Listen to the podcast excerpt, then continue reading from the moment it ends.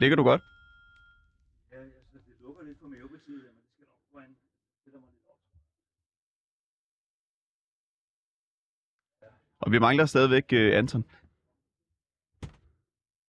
Du kommer der. Er vi i gang? Vi kører. Jeg nåede det. Okay, jeg, skal jeg lægge mig herned? Bare ligge der i midten. Det gør jeg. Ja, du kan bare tage de der høretelefoner på. Du kan også godt have hue på imens. Ja. Der kommer en uh, mikrofon uh, der.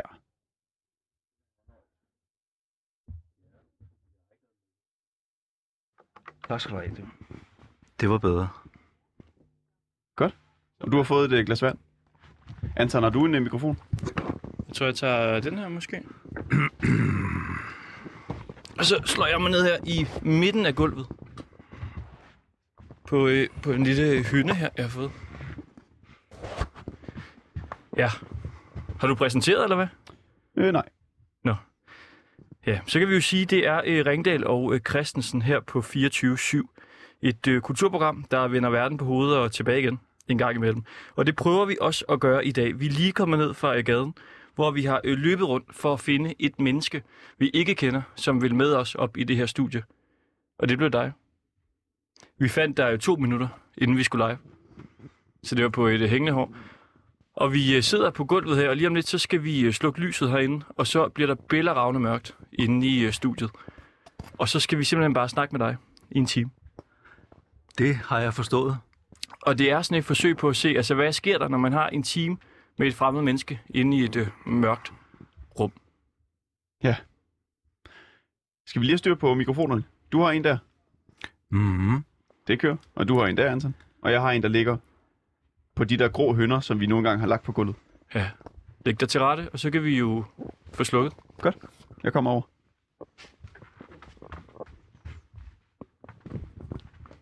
Og vi har brugt øh, en time på at altså, lægge sådan noget mørklægning op ved vinduerne herinde. Alle små dutter har vi kommet øh, tape på, så der burde ikke være så meget lys, når vi øh, lukker ned her.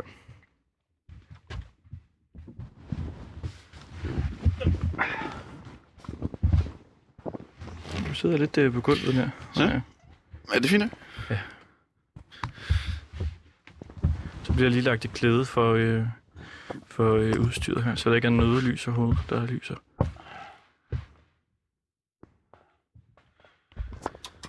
Så. Sådan der. Wow. Okay.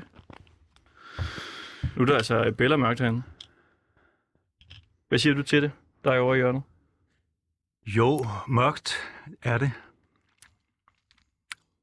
Der er nogle få genskær bag øh, måltunden derovre, men øh, i det store hele er her mørkt. Ja, der er sådan små røde, øh, røde skærm, man lige kan fornemme i mørket her. Ja. Og hvad, øh, hvad hedder du? Mit navn er Karsten. Og ja, du kom øh, gående der, nede på gaden. Ja, Hvor skulle du hen? jeg var på vej til Cinemateket, hvor jeg øh, har bestilt to billetter til øh, Baron von Münchhausens eventyr. Hvad? S- som er en øh, tjekkisk øh, animationsfilm fra 1957.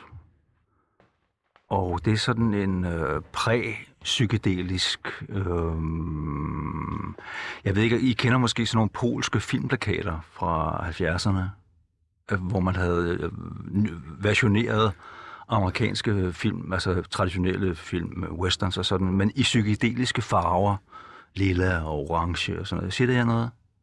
Øh, slet ikke, nej. nej. Oh, okay, Nej. okay.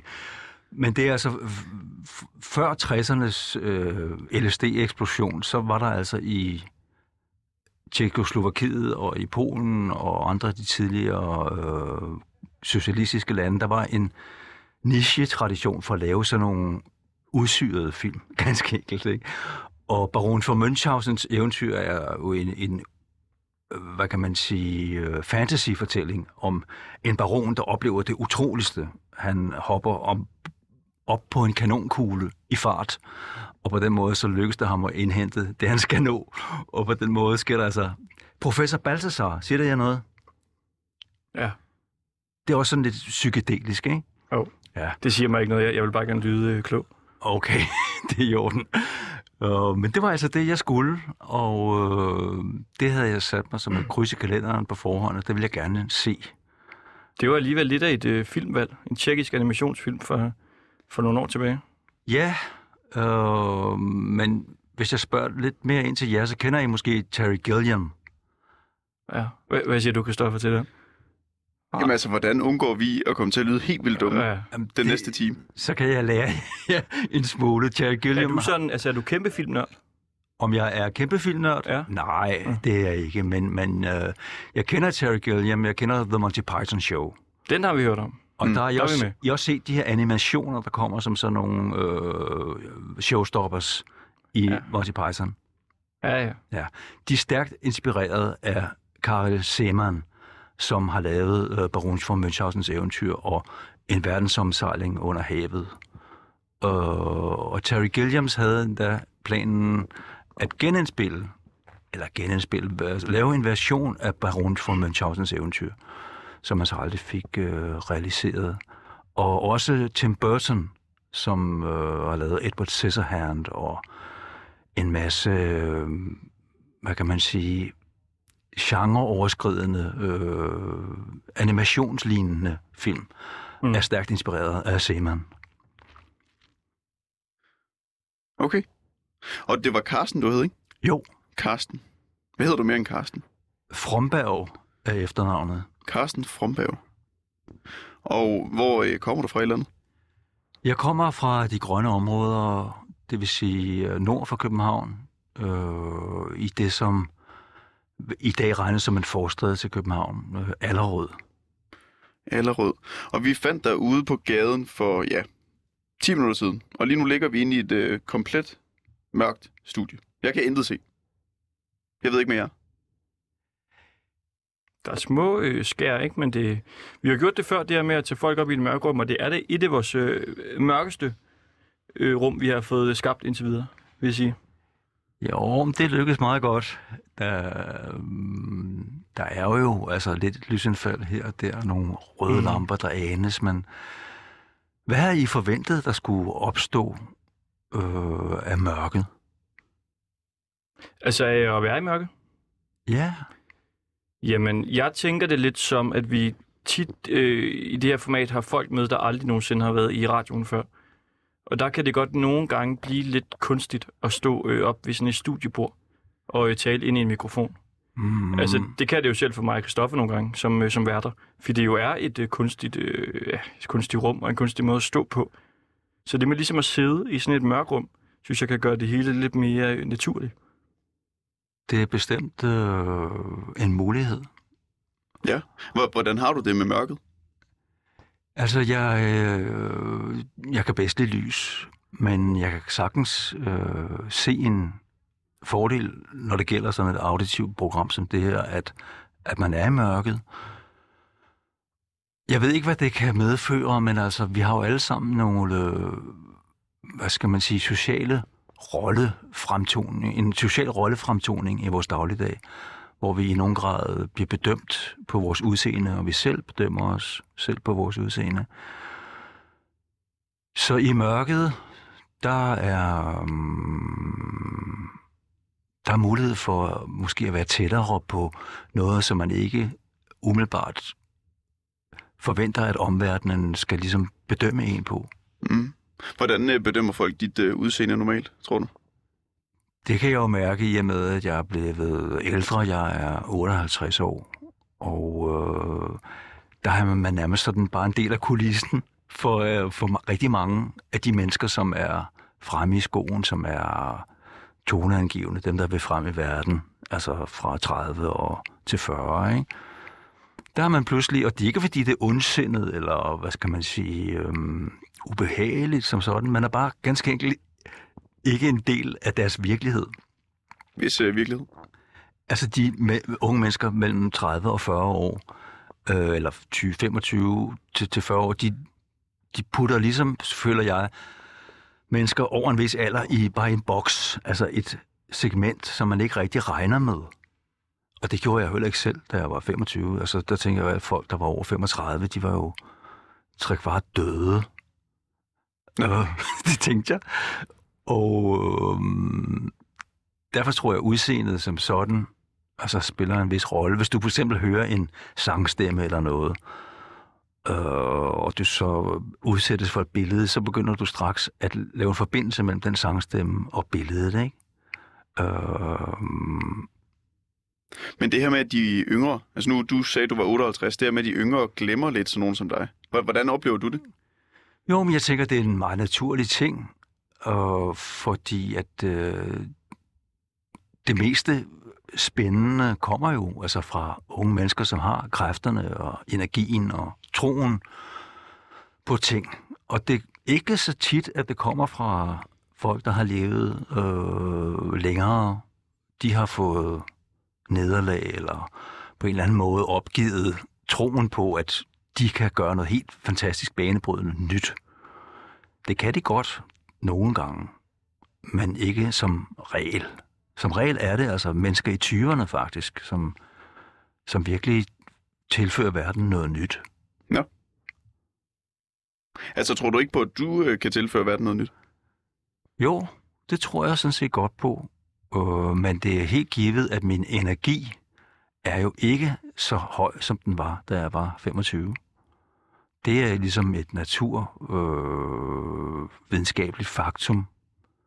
Jeg skal økonomisere meget mere med mine kræfter. Jeg bliver hurtigere træt. Øh, og jeg tror heller ikke, at verden går under, eller verden, hvad skal man sige, falder på røven i benovelse, hvis jeg kommer med et eller andet. Det troede jeg måske, den ville gøre, da jeg var 22. Ikke? Du lyder ikke til at være særlig trist over det. Nej, jeg prøver at se på det som en øh, som a matter of fact. Og bruge det på den måde, at, øh, de kræfter, jeg faktisk har, dem skal jeg jo så anvende inden for det begrænsede tidsrum, jeg har tilbage at leve i. Og det betyder så, at jeg kan vælge en masse ting fra. Jeg kunne have valgt fra at sidde her hos jer, og fordi jeg faktisk gerne vil hjem og arbejde på noget. Men så tænkte jeg, altså, man træffer nogle beslutninger, at det kunne være, at jeg kunne opleve noget, jeg ikke havde forventet. Og indtil videre, så øh, er der i hvert fald sket det, at det er blevet mørkt her. Og det var så noget nyt. Men altså, min hensigt med at sige det var, at, at øh, jeg er ikke trist over det, fordi det gælder om at få noget ud af tingene, mens livet, mens man har det. Det er min tanke. Der er næsten en... Øh... Du taler næsten på sådan en teoretisk måde, når, når du forklarer ting. Mm, jamen, det er måske også lidt teoretisk. Altså, men det, det bunder i den forestilling, at, at verden er fysisk. Den er ikke åndelig som sådan. Altså, der er den virkelighed, vi har. Der er den tid, vi har på jorden. Og selvfølgelig er det en teoretisk tanke, men den øh, udspringer af en fysisk genkendelse af virkeligheden, hvis det giver mening. Altså for eksempel hører vi tit, at, at kvinder på 65 kan være lige så sexede som kvinder på 25. Og det lyder også meget godt, men det er meget sjældent rigtigt. Sandheden er, at kvinder på 25 oftest er langt mere sexede end kvinder på 65. Og det er selvfølgelig en skam, når man fylder 65, at man ikke længere er i første række. Men altså, det er sådan, det er. Og det vil sige, at man skal få noget ud af det, hvis man gerne vil være sexet. Altså, er det, det er sådan, det er ifølge dig, eller Ja, sådan er, er det. der noget mere teori? Nej, altså det, det er øh, det er min sammenfatning af, af min erfaring, at øh, at du får ikke altså mange chancer i livet. Du får dem, mens du har dem. Øh, nu er I unge fremadstormende og har lavet koncepter i forhold til at lave radio og sådan. Og de chancer er der nok nogen, der vil være tilbøjelige til at give jer i den alder, I har nu. De vil være mindre tilbøjelige til at give jer de chancer, når I fylder 65 og siger, vi har en idé om et grønt rum. Hvad nu, hvis vi sætter folk ind i et grønt rum? Så siger de, ja, det kan sgu godt være.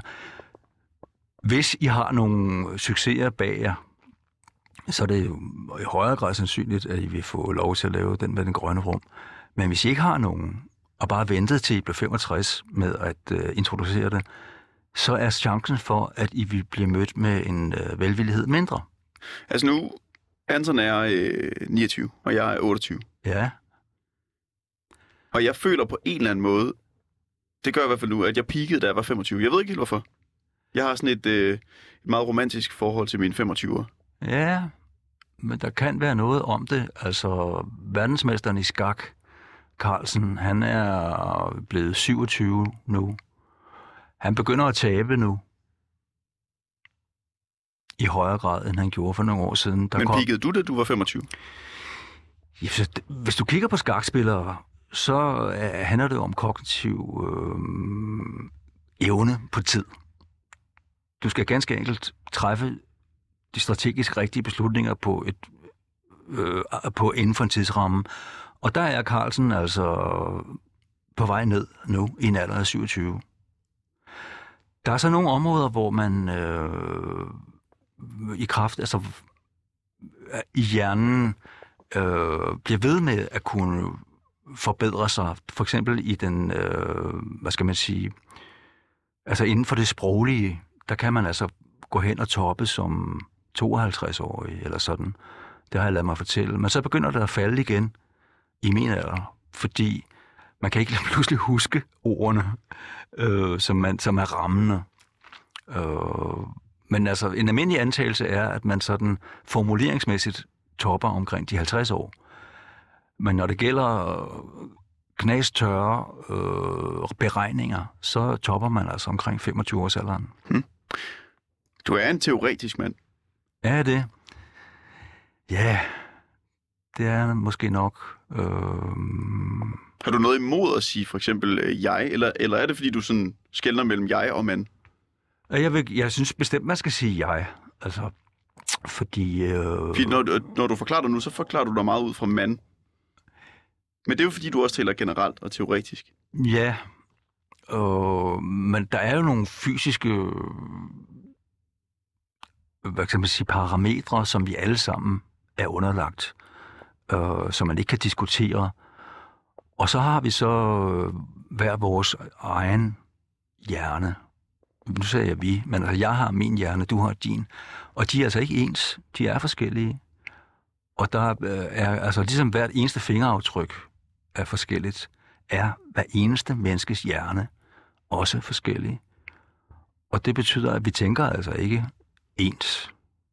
Og jeg tænker heller ikke som du. Ikke helt. Hvordan tror du, du tænker anderledes end øh, jeg gør? Nu kender jeg dig ikke. Uh... Du har også kun set mig i et minut, inden Ja. vi gik ind i det her mørke rum. Ja, og jeg bemærkede, at I ikke måske havde... I havde også travlt, ikke? Men jeg bemærkede også, at I må, måske ikke var interesseret i, at der skulle ske så meget, før vi sad her.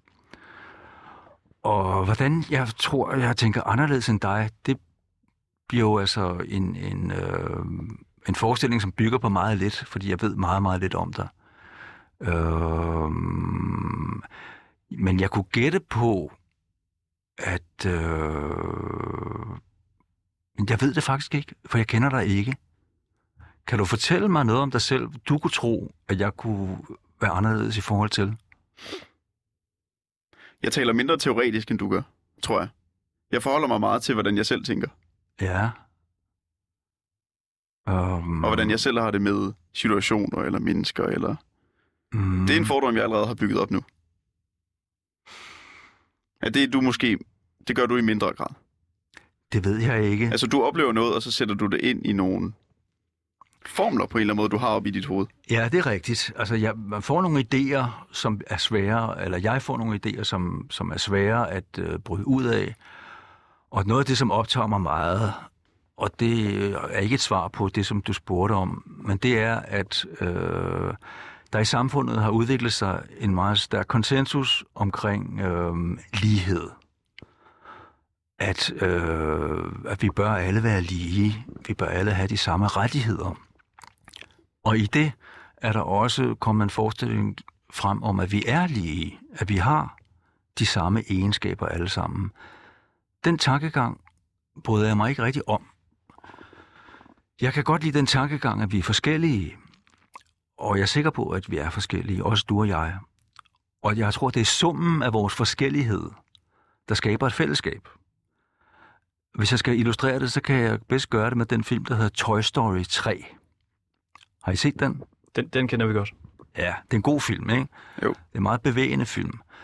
Det, som er helt fantastisk med den film, det er, at der er et fællesskab mellem de her øh, legetøjsfigurer, men de har hver især en unik egenskab. Der er den her hund med en fjeder, den kan strække sig hen over øh, to øh, afsatser, og så kan de alle sammen gå hen over den. Og så er der en fyr, der kan, Mr. Potato, der kan tage sit øje ud og stikke det ind under en dør, så de alle sammen kan se, hvad der foregår på den anden side af døren. Og hver især kommer den unikke egenskab til brug, når fællesskabet har allermest brug for den. Så viser det sig at være en superhelt inden for en ganske snæver maven. Men lige præcis, når der er brug for det. Og det er mit syn på mennesker også. Det er, at vi er forskellige. Og at, den, øh, at vi ikke alle sammen behøver at stræbe op efter socialt, eller alle sammen få de samme øh, gunstige vilkår i samfundet. Det er ligesom det, der er blevet normen, som jeg i Aksarten, det er, at, at øh, kvinder som mænd, som øh, øh, etniske danskere, som folk fra andre dele af verden, skal alle sammen have den samme grundlæggende tilværelse. Og det lyder godt, men der kan også gå sådan en slags øh, fællesnævner i det hele, hvor vi alle sammen går hen og bliver kønsløse droner i et produktionssamfund, hvor at øh, det særlige, det unikke, forsvinder. Og det er ikke bare en kulturel øh, fornøjelse, at der er diversitet for alvor. Det er også en nødvendighed, ganske enkelt. Fordi det unikke kan tilbringe fællesskabet det, som skal til for, at fællesskabet kan trives. Det var en ordentlig omgang, men øh, jeg håber, at det var forståeligt. Jeg kan godt lide din idé om uh, Toy Story. Og jeg forstår godt din, uh, din, din pointe. Hvordan, hvordan, hvordan er det så relevant for dig personligt? Ja, det er jo relevant på den måde, at jeg bliver nødt til at se på mig selv og tænke, hvad er det, jeg øh, evner, som ingen andre evner? Og hvad er det måske i mit liv, som jeg ikke skal være så ked af, at jeg ikke kan? For det er der for fanden nogle andre, der kan. Øhm, Hvad er det, du ikke kan så? Jeg har ikke stiftet familie, og øh, på den måde har jeg ikke bidraget med mine gener til videreførelsen af, af, af det, det danske folk. Og øh, det føler jeg som et savn i min dagligdag i nogen grad, men kun i nogen grad. Fordi jeg tænker, jamen herre Gud, altså der er så mange andre, der har fået børn, ikke? Og øh, måske kan jeg noget andet. Hvorfor du ikke stiftet familie? Det var ligesom som så meget andet her i verden. Det var ikke nogen øh, melodramatisk beslutning. Jeg ville faktisk gerne have nogle børn. Men jeg ventede, og jeg ventede, og jeg tænkte, det går nok alt sammen. Og da jeg så langt med længe fandt sammen med en kvinde, som jeg faktisk gerne ville have børn med, så viste det sig, at hun havde nogle vanskeligheder i forhold til at øh, få børn. Og øh, pludselig var tiden gået i forhold til, at kvinders facilitet, den styrtdykker altså lige pludselig. Og det er, mm, det er ret markant. Altså i øh, slutningen af, af 30'erne sker der det for langt de fleste kvinder, at de ganske enkelt ikke kan få børn længere. Og øh, det viste sig så, at det så blev mit lod. Så forsøgte, så forsøgte jeg så at, at gøre kunststykket igen med en yngre kvinde, øh, som var i stand til at få børn, men hun var ikke så sød. og øh, Så du, I gik fra hinanden, hende den anden der? gik fejl af hende. Gik fra hinanden? Ja, fordi at, at jeg kunne ikke øh, jeg kunne ikke lide hende godt nok, ganske enkelt. Hmm. Hvorfor ville du gerne have børn med hende så? Jamen, det var fordi, det var en idé. Altså ligesom om, at det skal man jo. Ikke? Og igen i forhold til, hvad er succeskriterierne i et liv, det er, at man på en eller anden måde får sat sit afsat her i øh, tilværelsen, øh, og at man øh, også stifter familie. Og det tænkte jeg, øh, det må jeg se at få gjort. Og da jeg så stod i det, så gik det op for mig, at øh, det faktisk ikke lige var sagen. Og der var endnu en, hvem jeg fik en chance med. Og det var heller ikke lige... Øh, Tror du det, at hun så ikke kunne få børn, var det ligesom en øh, medvirkende faktor til, at du øh, gik fra hende? Det må jeg være ærlig at sige, at det var det. Øh, fordi på det tidspunkt havde jeg travlt. Der var jeg 10 år ældre end I er, eller 12-14 år ældre end I er. Og så tænkte jeg, nu skal det altså være, for ellers er jeg simpelthen for gammel, når øh, jeg skal spille fodbold med mine børn, eller hvad det må jeg nu skal. Øh, så jeg følte, at øh, jorden brændte lidt under mig, og jeg skulle se at få det gjort. Og hvis hun ikke kunne få nogen børn, jamen så havde jeg ikke lyst til at blive gammel allerede der. Hvordan var det at tage den øh, beslutning? Åh, det var simpelthen ikke særlig øh, øh, livsbekræftende. Øhm, altså, det handler igen om det med, øh, at livet har sin begrænsede tid. At, øh, at jeg måtte jo indse, at, øh, at jeg ikke havde nået det i tide, fordi så skulle jeg have gjort hende gravid 10 år tidligere. Jeg kendte hende faktisk 10 år tidligere, ikke?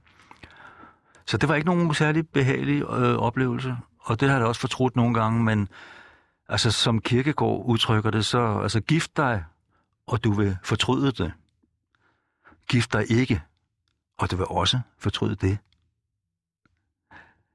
Der er ikke nogen, øh, der er ikke noget facitliste for vores liv, vel? Øh, og man kommer så også over de nederlag og skuffelser, synes jeg, som man får. Og så må man rejse sig og få noget fantastisk ud af det, som man har. Kunne, kunne du få sådan en følelse af, at du ligesom øh, lod hende i stikken på en eller anden måde? Ja, det kan jeg godt få en følelse af. Helt bestemt. Kan du stadig have den? Ja, det kan jeg godt. Øh, det kan jeg godt, øh, men jeg kan også godt tilgive mig selv øh, i kraft af den situation, jeg var i. Men det er klart, at for kvinder, som ikke længere er fertile, der falder interessen hos mænd altså ret markant. Og det er jo et kulturelt øh, tabu, men det er sandt. Og hvis man ser på de fremtrædende feminister i vores samfund, altså de, de som skriver de, de, artikler og sådan, som der bliver tilslutning til, så er de jo alle sammen over klimakteriet. De havde ikke så travlt med at være vrede på mænd, dengang de var eftertragtede. Øh, det får man sikkert, øh, kan man godt få meget. Det kan jeg få kritik for at sige, men nu sidder jeg her i mørket og gør det. Øh, altså verdens ældste drama, den ældste nedskrevne drama, jeg kender til, det er historien om Medea. Medea var gift med kong Kreon og fik børn med ham, og så forlader han hende til fordel for en yngre kvinde. Og som hævn slår hun deres fælles børn ihjel. Det var hendes svar til den mand, der forlod hende.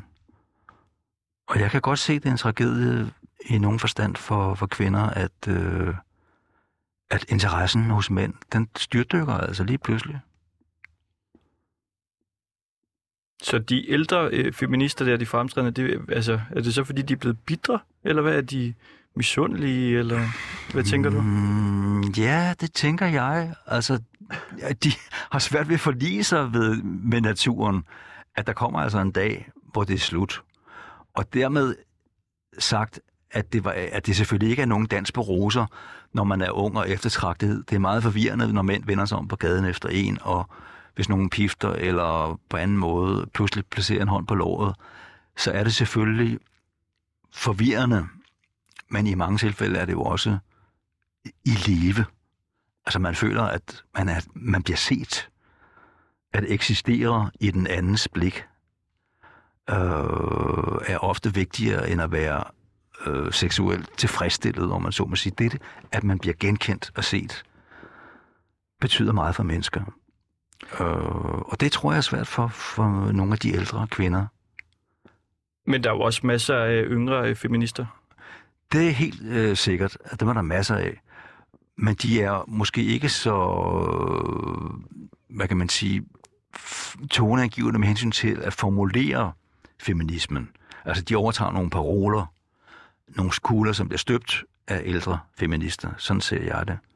Men, men Carsten, altså du, du følger jo også med, også i MeToo-debatten og så videre. Og du ved også godt, man kan jo ikke sige, at det, at kvinder bliver taget på deres lov, eller at øh, kvinder bliver talt til på en bestemt måde, som de føler er nedsættende, at det også bare gør, at de bliver set. Der, der, der er du tilpas inde i stoffet, tror jeg, til du godt ved, at det er ret kontroversielt. Ja, det er Jeg det, men, men hvis du nærlyttede mig, så sagde jeg, at det jo ikke bare er sjovt. Altså, det er jo øh, for selvfølgelig også i nogle tilfælde ganske øh, ubehageligt og, og øh, dødforvirrende for en 14-årig pige, at der står faktisk en voksen mand og kigger på hende med en seksuel interesse i bussen. Det er helt sikkert øh, dødforvirrende. øh, men det er en del af livet. I nogle tilfælde, hvis det er en 21-årig mand, der står og kigger på en 14-årig pige, vil hun føle det bekræftende. Og man kan ikke opstille regler som sådan for det. Øh, der findes en film med Elvis Presley, der hedder The Trouble with Girls and How to Get Into Them. Og den titel er meget sjov, fordi altså, hellere komme galt afsted, end slet ikke at komme afsted, er en talemåde, som jeg synes øh, udtrykker det samme. At det er ligesom sjovere, at... Øh, altså sjovere, at det ikke er haha sjovt, men det er sjovere at være en del af noget, end at være uden for noget, for de fleste mennesker. Vi kan lige øh, opsummere. Altså, du lytter jo til øh, Ringdal og øh, Christensen her på 24-7. Og lige nu, der sidder vi inde i et øh, helt øh, mørklagt studie. Mig og øh, min medvært, øh, Christoffer. Og vi har fundet en øh, mand nede på gaden. Helt almindelig menneske. Og spurgt, vil du ikke komme op og tale med os i en time i et øh, mørkt rum? Og det er jo så det, vi simpelthen er, har gang i nu. Hvordan har du det, Carsten? Jeg har det for så vidt meget godt i jeres selskab. Og Carsten, altså helt i starten, der sagde du, du godt kunne lide det her med mørket, fordi man ikke sådan øh, altså vurderede hinandens udseende. Vil du ikke øh, beskrive, hvordan du ser ud? Om jeg vil beskrive mig selv? Ja, ja vi kan jo ikke rigtig se dig. Nej, men jeg for så vidt, øh, jeg ser meget godt ud. Um, uh, der er sket noget markant med mit udseende inden for det sidste år. At jeg har mistet mine øjenbryn og mine øjenvipper. Uh, de begyndte simpelthen at falde af. Og jeg kiggede mig selv i spejlet. Og så tænkte jeg, at der er ligesom kommet en asymmetri i mit ansigt. Og så, så tænkte jeg ikke nærmere over det. Så bemærkede jeg godt, at de var lidt fortyndede, mine øjenbryn. Og så tænkte jeg, at det går nok over. Men det gjorde det altså ikke. De faldt simpelthen af, ligesom en plante, der begynder at tabe sin blade. Og det var øh, ganske mærkeligt, fordi øjenomgivelserne er jo noget af det, som man virkelig forbinder med et menneskes udseende. Altså karakteristika for, hvordan man ser ud. Man kigger i øjnene på folk. Og så gik jeg til lægen, og øh, de kiggede forvirret på mig. Og tydeligvis anede han ikke lægen, hvad, hvad han skulle stille op med det. Og jeg blev så sendt videre til en specialist, og hun undersøgte mig, og hun sagde så, der er ikke noget øh, svamp, der er ikke noget eksem. Og så satte hun sig ned og begyndte at skrive en rapport. Og så sagde jeg sådan lidt forsigtigt, jamen der er heller ikke noget hår. Nej, det er der ikke, sagde hun så. Og så kunne jeg mærke, at det gik hendes faglige stolthed på, fordi hun kunne ikke stille en diagnose. Og det, man kalder det, det er alopecia areate, det vil sige pletvis skaldighed. Og det er altså et fænomen, som rammer nogle mennesker. Der var en berømt øh, italiensk fodbolddommer, Pierluigi Colina, som blev kåret til verdens bedste fodbolddommer. Han var også øh, uden øjenbryn og uden øjenvipper. Det er min udseende lige nu. Jeg har også tabt hår på øh, kroppen i røvhullet, som man siger. Og det er lidt underligt, men jeg har altså fået lavet test hos lægerne, og øh, altså blodtests, og jeg er sund og rask i enhver henseende. Der er bare indtruffet, øh, skal man sige, en, en form for autoimmun reaktion i kroppen, hvor kroppen misforstår sig selv og går til angreb på sine egne øh, celler. Det vil sige, at den slår ikke ihjel, men den holder cellerne i skak. Et af naturens, hvad kan man sige, øh, mindre heldige udtryk. Så du har ikke et eneste hår på kroppen? Åh, det har jeg. Der, der kommer sådan nogle små øh, lyse hår, og jeg har også på hovedet, og jeg har også skægvækst. Det er bare øh, reduceret. Og jeg har også en lille smule på øh, øh, øjenbrynene, men det barberer jeg simpelthen af, for det ser for fjollet ud. Der sidder bare sådan nogle enkelte øh, hår, og, og jeg ser ikke særlig dekorativ ud, så den barberer jeg af. Um, lige så spontant som det kan komme, kan det vende tilbage igen håret. Men igen, det er ikke særlig øh, ofte, at det sker. Mm. Så du, øh, du er hårløs. Hvordan kan man ellers beskrive din... Øh, altså, hvad for noget tøj havde du på i dag? Jamen, jeg har lige været nede og købt nogle Adidas joggingbukser. Tre par. Og de matcher dem, jeg har på, fordi de er umanerligt behagelige at gå rundt i øh, derhjemme. Jeg løbetræner meget, og øh, jeg har ikke så mange sociale øh, hvad kan man sige, situationer, hvor jeg skal se godt ud, eller øh, være smart i tøjet, så det er faktisk blevet joggingbukser, der er blevet mit foretrukne. Men det skal være Adidas joggingbukser med tre striber på, fordi så føler jeg mig lidt mere, hvad skal man sige, på farten, end hvis man bare går rundt i sådan nogle, man har købt nede i Rema 1000. Mm. Hvorfor har du ikke så mange sociale begivenheder? Jamen, det er igen en del af det at blive ældre, at, øh, at de fleste mennesker, de øh, får børn og familie. Og det opsluger altså faktisk 95 procent af deres tid. Det tager tid at have børn. Og så kommer der et brud i, øh, hvad kan man sige, den spontane omgang med andre mennesker. Og så er der også det forhold, at jeg øh, ikke har fast arbejde. Det vil sige, jeg har ikke den øh, almindelige sociale tilknytning til en arbejdsplads og det netværk omkring mig. Hvis jeg skal møde mennesker, så skal jeg øh, tage telefonen og ringe til dem og sige, skal vi gå i biografen, eller vil du komme over? Jeg har for eksempel i morgen et møde med en fyr, som øh, driver sin egen vinbar, og som øh, vil lave et program for øh, cykelsportskalenderen i forbindelse med sin, øh, sit vinsalg, som han vil diskutere med mig i morgen. Og i aften skal jeg mødes med en trommeslager og se en film. Men det er sådan noget, der skal altså opsøges aktivt. Det er ikke noget, der kommer som et, hvad skal man sige, sideeffekt af min dagligdag. Og du, du fortalte, du ikke øh, arbejder lige for tiden?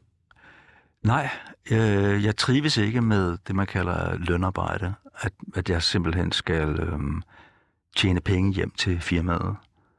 Det øh, gør jeg ikke, og øh, det har jeg aldrig gjort. Jeg har arbejdet i en ganske kort overræk i en stilling, som jeg brød mig om. Men øh, ellers så øh, kan jeg ikke se mig selv lave ting for, for pengenes skyld. Så hvordan øh, tjener du penge? Det gør jeg så ikke. Jeg tjener ikke nogen. Øh, men jeg har tjent penge, og min lejlighed den er ganske øh, udmærket i øh, sin værdi. Og jeg har udsigt til at øh, arve penge øh, i betragtelig grad, så det skal nok gå alt sammen. Hvad er du lavet så? Altså, fordi vi bruger jo øh, simpelthen så mange timer på at være på arbejde. Hvis man, hvis man ikke øh, rigtig gider det. Jo, men da jeg arbejdede, der arbejdede jeg altså også 60-70 timer om ugen. Og der var jeg øh, leder af de samlede filmlinjer på Filmskolen ude på Holmen. Og øh, det er altså ikke en rektorstilling, men det er en lederstilling for, for filmlinjerne. Altså som er klip, lyd, foto, produktion. Øh, og så fik jeg vist glemt en, der er fem i alt. Nå, men det er altså det er en del af skolen. Der er også manuskriptlinjen, der er tv-linjen, der er øhm, animationslinje. Så det er ikke nogen særlig fancy stilling, men det er en stilling, hvor man skal koordinere inden for en, øh, en gruppering og varetage den afdelings interesser i forhold til de andres. Og det vil sige, at man skal slås i nogen grad om de fælles ressourcer der er på sådan et sted. Altså, de forskellige fakulteter på universiteterne skal jo også konkurrere indbyrdes om, om hvad de nu har at gøre godt med. Og det var så en mellemlederstilling, som jeg var mægtig stolt over at have. Men øh, jeg synes måske i længden, den blev lidt smule øh, triviel, fordi at det blev mere politisk. Øh, ja, politisk er måske ikke ordet, men det blev sådan meget administrativt, at jeg skulle sidde og forsvare filmlærernes interesser over for de andre lærere. Hvor jeg kunne se eleverne gå ud på gangene og, og, og kigge efter mig, fordi jeg var jo lærer. Og øh, jeg tilbragte hele mandagen i det lille lærerråd om formiddagen, og i det store lærerråd om eftermiddagen. Og tirsdag, der var der så plangruppemøder, og så var halvdelen af ugen jo snart gået med øh, at sidde og kigge på øh, skemaer, der lignede sådan metrokøreplaner over, hvor de forskellige linjer skulle køre hen, hvornår og hvorfor og hvordan. Så jeg arbejdede hårdt og blev ret stresset, og så synes jeg snart, at øh, nu havde jeg taget min tørn, og så stoppede jeg. Og hvor lang tid er det her siden? Det er vel snart en 10 år siden. Øh, nej, det er sgu længere tid siden. Det er... Det vil være 15 år siden. Så det var sidste gang, du decideret havde et øh, lønarbejde. Ja, jeg havde en fast stilling, ikke? Men hvordan har du kunne leve af det siden? Jamen, det er sgu et godt spørgsmål, du. Altså, jeg har haft nogle, nogle øh, drøbvise jobs som øh, lærer på øh, den norske filmskole og på øh, skuespillerskoler i Danmark, hvor jeg har holdt sådan nogle tre ugers kurser. Men derudover har jeg altså også levet, det handler om mig, alt det her, men altså, jeg har levet vanvittigt spartant. Altså, jeg har levet af løg og ris, og øh, ikke haft bil, ikke haft børn, øh, selv øh, vasket mit tøj, og på den måde, så kan man altså godt leve ret billigt, hvis man vil. Hvad, hvad plejer du at bruge øh, sådan om måneden? Det har jeg virkelig ikke nogen idé om. Men det er mere, end det var. Det bliver hele tiden mere, synes jeg, ikke? Og jeg, jeg, jeg savner altså ikke noget, og øh, jeg bor i en stor, kæmpe lejlighed med fransk altan og udsigt, og plus en rigtig altan, plus... Altså, jeg sidder lige og kigger på min husleje. Den koster altså under 6.000 om måneden for 150 kvadratmeters penthouse. Hvorhen? Hvor ligger den? Den ligger på Vesterbro. Okay. Øh, jeg, jeg var så heldig, da der var byfornyelse på Vesterbro, der rev man en masse huse ned. Men man valgte altså at lade mit blive stående, og det betød, at der står bygningen frit i forhold til andre i en kæmpemæssig baggård. Og det betyder så, at jeg har øh, lysindfald 360 grader rundt, og jeg har et øh, fuldrenoveret øh, hus. Så på den konto har jeg været heldig i mit liv. Hvad er det for nogle penge? Du, du siger, du står til at arve... Øh... Nå, det synes jeg ikke, jeg har lyst til at, at viderebringe i radioen. Men øh, jeg vil bare sige sådan, at øh, aktiemarkedet har siden år 2000 bevæget sig øh, eksplosivt opad. Det almindelige C25-indeks har virkelig, virkelig, virkelig, virkelig, virkelig taget til. Man taler tit om, at huspriserne er steget meget voldsomt, ikke? Det er de faktisk ikke, hvis du ser på købekraften. De er steget, men øh, huspriserne er man ikke øh, meget markant.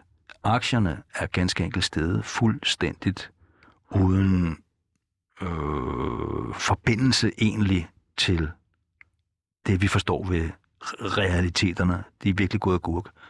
De er så lige faldet nu. Her øh, i sidste uge øh, begyndte de at falde, og man har haft det 6. største fald i C25-indekset nogensinde inden for den sidste uge. Men det skal altså ses på baggrund af en stigning, som har sagt bare to til, hvad man ellers skulle tro. Og du har så forbindelse til en, eller hvad, der har øh, investeret i aktier? Ja, det må jeg jo næsten have, skulle man tro. Er det et kæmpe beløb, du kommer til at? Det er ikke øh, noget... Øh, det er ikke noget, hvad kan man sige, ordinært beløb. Det er betragtet, ja. Og hvorfor har du ikke så meget lyst til at snakke om det? Nej, fordi det er ikke mig, der har tjent de penge, og øh, jeg har også underlagt den norm, at penge er en form for... Det er noget, man behandler med en vis diskretion. Der kommer ikke nødvendigvis noget godt ud af, at, øh, at nogen ved, at andre har penge. Ikke nødvendigvis. Hvad er det for en norm? Jamen altså, kender I ikke det, at man på... Man skal betale en regning, eller man skal betale et sted, så står man ikke og blaffer med sine 1000 kroner vel? Så det er ikke en decideret regel. Det er bare dig, der føler, at det er det mest rigtige at gøre. Ja, det er altså, ligesom vi talte om tidligere, eller jeg talte om, så er der visse ting, man, man, man betragter sig selv som en øh, som underlagt. Og så er der selvfølgelig noget, man vælger at underlægge sig. Men altså, de her rappere eller nyrige russere i London, som øh, tapasserer deres bil med øh, dollarsedler eller pundsedler, de er jo øh, opskøende i de fleste menneskers øh, syn. Der, der er noget, jeg... Altså, vi bruger jo halvdelen af vores øh, vågne tid her. Ja. Ikke inde i det her mørkerum, hvor vi ligger lige nu, men i hvert fald på den her arbejdsplads. Kan, kan du ikke lige forklare, altså, hvordan ser en hverdag for dig ud? Så den en helt normal dag. Jo, men det er meget personligt. Altså, det bliver censureret en lille smule, det er med på, ikke? Helt fint. Jeg står op, når det passer mig, og så går jeg i gang med at spise noget. Hvornår, øh, hvornår passer det der? Det er, når det passer mig. Det kan være klokken 6, det kan være klokken 8, det kan være klokken 10, det kan også være klokken 12. Nogle gange så står jeg op, og så føler jeg mig ikke helt tilfreds med min kropslige velbefindende. Så spiser jeg lidt mad, og så går jeg i seng og sover tre kvarter mere. Indtil kroppen ligesom selv siger, nu er det tid. Så står jeg op, og så spiser jeg noget ymer med noget øh, juice skænket ud over, og så øh, noget mysle, noget god mysle. Så spiser jeg det, og så går jeg i gang med at lave nogle strækøvelser, som jeg er fantastisk glad for, fordi at de får mig til at føle mig som en 10-årig igen. Øh, jeg har fundet nogle rigtig gode strækøvelser. Strækker ryggen, strækker nakken. Altså, hvor du ligger nede på gulvet? Ja, jeg ligger på gulvet og sætter hænderne bag hovedet og strækker hovedet op, sådan, så jeg får musklerne omkring rygsøjlen øh, bevæget. Og når jeg så er færdig med det, så står jeg lidt på hovedet og mærker, at blodet ruller ned.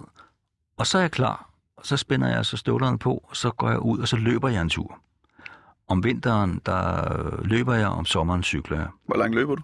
Plejer du at... Ja, det bliver, hvor, hvor langt plejer du at løbe? Det, bliver til en del. Altså, jeg skiftes mellem at gå og løbe. Og øh, jeg, jeg har faktisk styr på det. Altså, jeg løber omkring 21 til 25 om ugen. Det er ikke kolossalt meget, men bare det, man gør det, det betyder, at man er i form. Så det er sådan en 3-4-5 stykker om dagen? Ja. Og så sker der desværre det nogle gange, når jeg så kommer tilbage og skal i gang med alt det, som jeg har egentlig for at... Øh, altså, jeg var super træt. Og det opdager jeg først, når jeg har fået lidt at spise, en makralmad eller noget andet, så er jeg pludselig rigtig træt. Og det forstår jeg godt, når man har løbet 3-4 km. Og så sker der nogle gange det, at jeg så lige tager mig en middagslur, og så er klokken, altså nogle gange, gået hen og blevet for mange. Det er den ikke om sommeren, men om vinteren, der er den blevet for mange, fordi så er mørket på vej. Og så synes jeg, det er vanskeligt at sætte noget i gang, når mørket er på vej. Om sommeren, der trives jeg langt bedre. Øh, men så går jeg i gang med at skrive, eller jeg går i gang med at øh, lave grafik på min computer. Øh, jeg laver stregtegninger med øh, en tuschspænd, almindelig sort tuschpind, som jeg så scanner, og så farvelægger jeg dem så i en computer. Og kører dem ud i forskellige, forskellige generationer, så de får patina, så de får forskellige look. Jeg trykker på en knap, og så ser jeg, hvad der sker. Så enten så skriver jeg, eller også så sidder jeg og laver billeder. Og så er klokken blevet mange, og så bliver jeg som regel lidt ensom hen under aftenen, fordi jeg har ikke nogen kæreste, jeg har få venner. Og så tænker jeg, hvad skal jeg nu? Nu går jeg på café og møder nogen. Og så går jeg ned på Bang og Jensen på Istedgade. Kender I den? Mm, nej. Nå, men det er sådan en... Øh, ja, det er en café, øh, som ligger på, første, på første sal i et gammelt apotek. Men der har de to pinball-maskiner. Ved I, hvad det er? Ja. Ja. Mm. og der går jeg så ind og kigger mig omkring og ser, om der er nogle smukke kvinder i lokalet, der ligesom er inden for, for, på, altså, inden for min radius. Og det er der altid. Men så tænker jeg, at det skulle for besværligt, og det for, for klodset og, og nærme sig sådan en, øh, uden at have nogen, hvad kan man sige, umiddelbar tilknytning. Så går jeg hen til pinballmaskinen, og så begynder jeg at spille pinball. Og det er jeg ret god til, at spille pinball.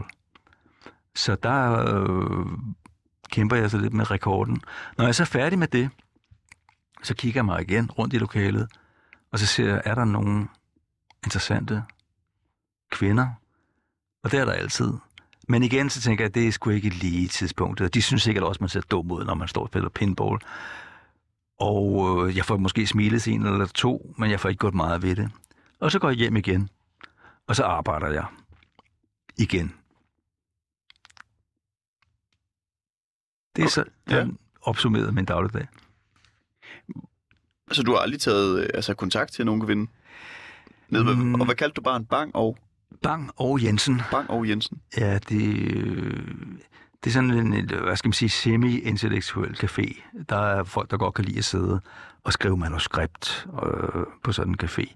Eller også så vil de gerne have, at man ser, at de sidder og skriver manuskript.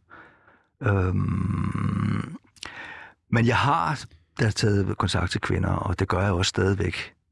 Men har du gjort det dernede? Mm, nej, ikke rigtigt. Altså, det, det sker, at jeg smiler til nogen, men, men at sådan sætte sig hen til nogen, et fremmed menneske på en café, det virker sådan lidt akavet, ikke? Men hvad er det, der er så akavet ved det? Der er jo mange, der har den frygt.